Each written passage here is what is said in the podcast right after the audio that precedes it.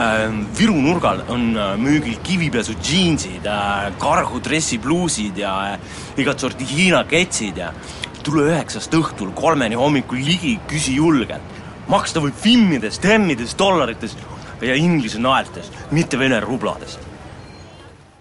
ela Eesti elusid. Eesti Rahva Muuseum avatakse esimesel oktoobril.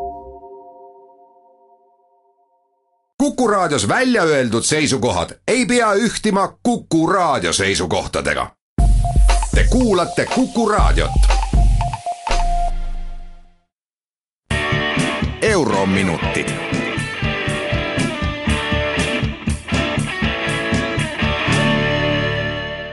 tere päevast, kallid Kuku raadio kuulajad. eetris on Eurominutid ja Kersti Kaljulaid. Eelmisel reedel toimus Bratislavas kauaoodatud Brexiti referendumi järgne esimene tippkohtumine.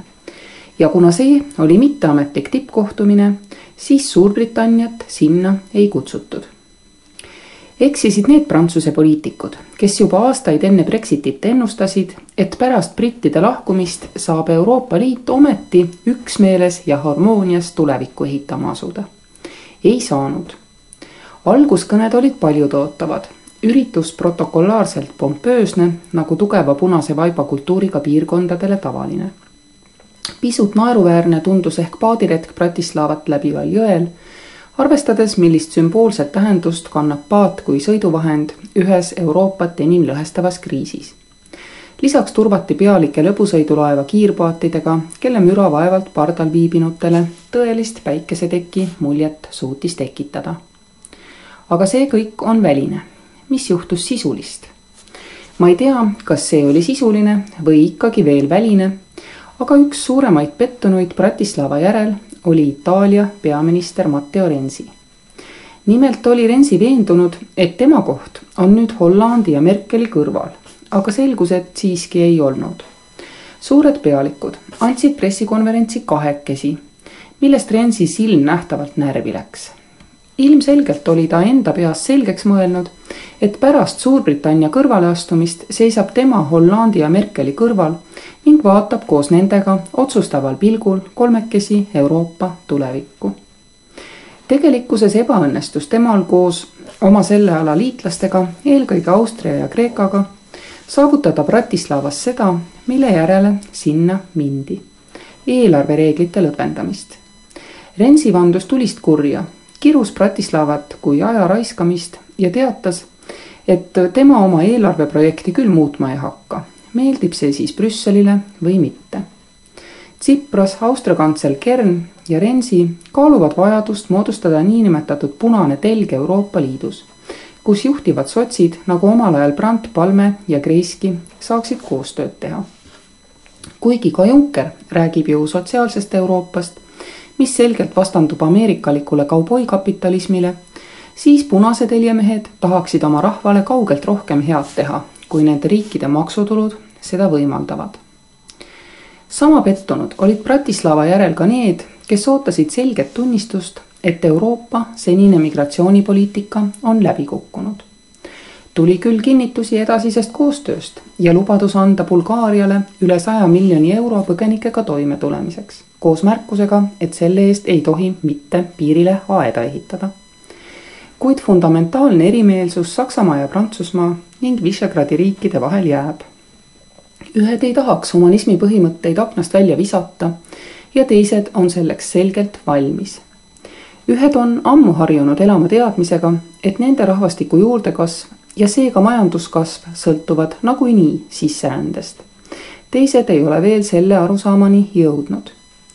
ühed on valmis õpetama elu enda moodi teistsugustele, aga ka taluma nende teistsugusust seni, kuni see ei hakka põlisrahvast ahistama. teised ei taha kunagi end leida olukorrast, kus nad üleüldse peaksid niisuguste probleemidega tegelema ma ei ole tingimata Visegradi suhtes kriitiline ega ka mitte Eesti poliitika suhtes, mis on samuti väga ettevaatlik kuigi Eesti on oma võetud kohustusi täitev riik. vaesemad riigid lihtsalt ei näe endas seda ressurssi, et lahendada neid probleeme, millega rikkamad võimlevad. see on täiesti arusaadav, et kui migrandid tulevikus kujutavadki endast tuluallikat, kui nad hakkavad tõepoolest kõik tööle, omandavad kohaliku keele ja sulanduvad ühiskonda, siis esimesed seitse aastat on nende peale põhiliselt kulutada vaja. Seda on näidanud vastavad uuringud. samas, teades, et Ungaris toimub teisel oktoobril referendum küsimusega, mis kõlab umbes nii, kas te olete vastu Euroopa Liidu õigusele minna mööda Ungari parlamendist ja saata meile tagasi mitte Ungari kodanikest inimesi? oleks olnud erakordselt veider Bratislavast mingit kannapööret oodata. isegi kui Holland ja Merkel on kodus samuti raskustes oma põgenikepoliitika seletamisega, ei saa nad sellise solvanguga Euroopa Liidu suunas, nagu seda on Ungari referendumi küsimus, mitte kuidagi ääri-veerigi leppida nii kujunes Bratislava sõnum selgelt Euroopa humanistlikke väärtusi toetavaks, kuigi toas selle sõnumi üle rääkijad moodustasid Euroopa suurte probleemidega räheldes parajalt higise külakuhja. Euroopa liidrid on jäänud väga selgele seisukohale, et vaba turg ja inimeste liikumisvabadus on teineteisest lahutamatud. ja muide, siin on Ida-Euroopa riigid täitsa nõus, muidugi juhtumil, kui see puudutab nende enda kodanikke selles osas ei ole antud mingit lootust Suurbritanniale, kes võib eeskujuks vaadata, kuidas kannatavad Brüsseli ja Berni suhted samasuguse kokkuleppe väljatöötamise perioodil.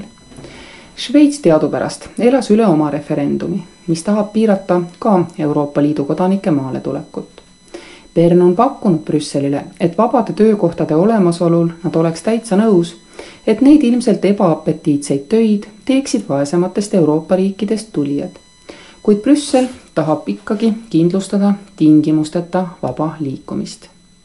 samuti on Theresa May ja Philip Hammond, tema rahandusminister Suurbritanniast, pidanud sellel nädalal mitmetel kõrgetasemelistel kohtumistel eelkõige ärieliidiga tunnistama, et rahva surve Euroopa Liidu seeski toimuvat rännet piirata on ilmselt nii suur et neil ei jää manööverdamisruumi saavutamaks Euroopa ühisturult lahkumist tingimustel, mis oleksid peaaegu nagu enne. eelkõige hakkavad finantsasutused aru saama, et parim lootus kujunenud olukorras on lihtsalt pikk üleminekuaeg, mille jooksul nad saavad siis rahulikult oma kontorid Londonis kokku pakkida ja mandrile kolida ka Bratislavas oli Slovakkia peaminister eriti tigedas tujus Suurbritannia ootuste suhtes, et neil õnnestub säilitada osalus ühisturul, kuid keelata Ida-Euroopa töötajate asumine oma riiki. muidugi, Euroopa Liit sündiski ju eelkõige kaubandusühendusena, mille üks silm on alati olnud ka kontinendil rahu tagamisel. seega oleks ka kaupade Euroopa Liit, mis pakub riigijuhtidele kokku lepitud läbirääkimiskorda ikkagi veel väärt pidamist, ilma ülejäänud vabadusteta. aga ilmselgelt veelgi raskemini selgitatav niinimetatud lihtsale inimesele. samas see Euroopa pealisehitus, sotsiaalne Euroopa, inimeste Euroopa, on praegu selgelt väga tugeva löögi all võib öelda, et sissetulekute ühtlustumine kogu kontinendil on olnud pettumus, sest selle protsessiga on kaasnenud ka pikk majandusseisak kasvuta ei saa kuidagi realiseerida kahe tuhande neljanda aasta visiooni konvergentsist, kus vaesemad jõuavad rikkamatele lihtsalt järele ja tulud ühtlustuvad vähemasti sellel tasemel, kus need rikkamad olid hetkel, kui vaesemad hakkasid tulema. tegelikult toimub ühtlustumine rikkamate poolt vaadates pigem allapoole ja poliitikutel on väga raske oma rahvale selgitada, et selles kõiges pole kuidagi süüdi Euroopa Liit, selle laienemine ega laienemisega juurde tulnud liikmesriigid on ju Euroopas ka praegu kasvava majandusega riike. Neist kiireimat näitavad muide olulise migrantide arvu ja ka põgenikekoormaga riigid nagu Rootsi, Saksamaa, Hispaania. igatahes kindlasti mitte kahanevad väikeriigid. see on mõtlemise koht ka meile. Igaüks ei ole Iirimaa ja ka nende töövõtted ei ole päris vastuvõetavad, nagu välja tuleb. kuid kuulmiseni jälle järgmisel nädalal. eurominutid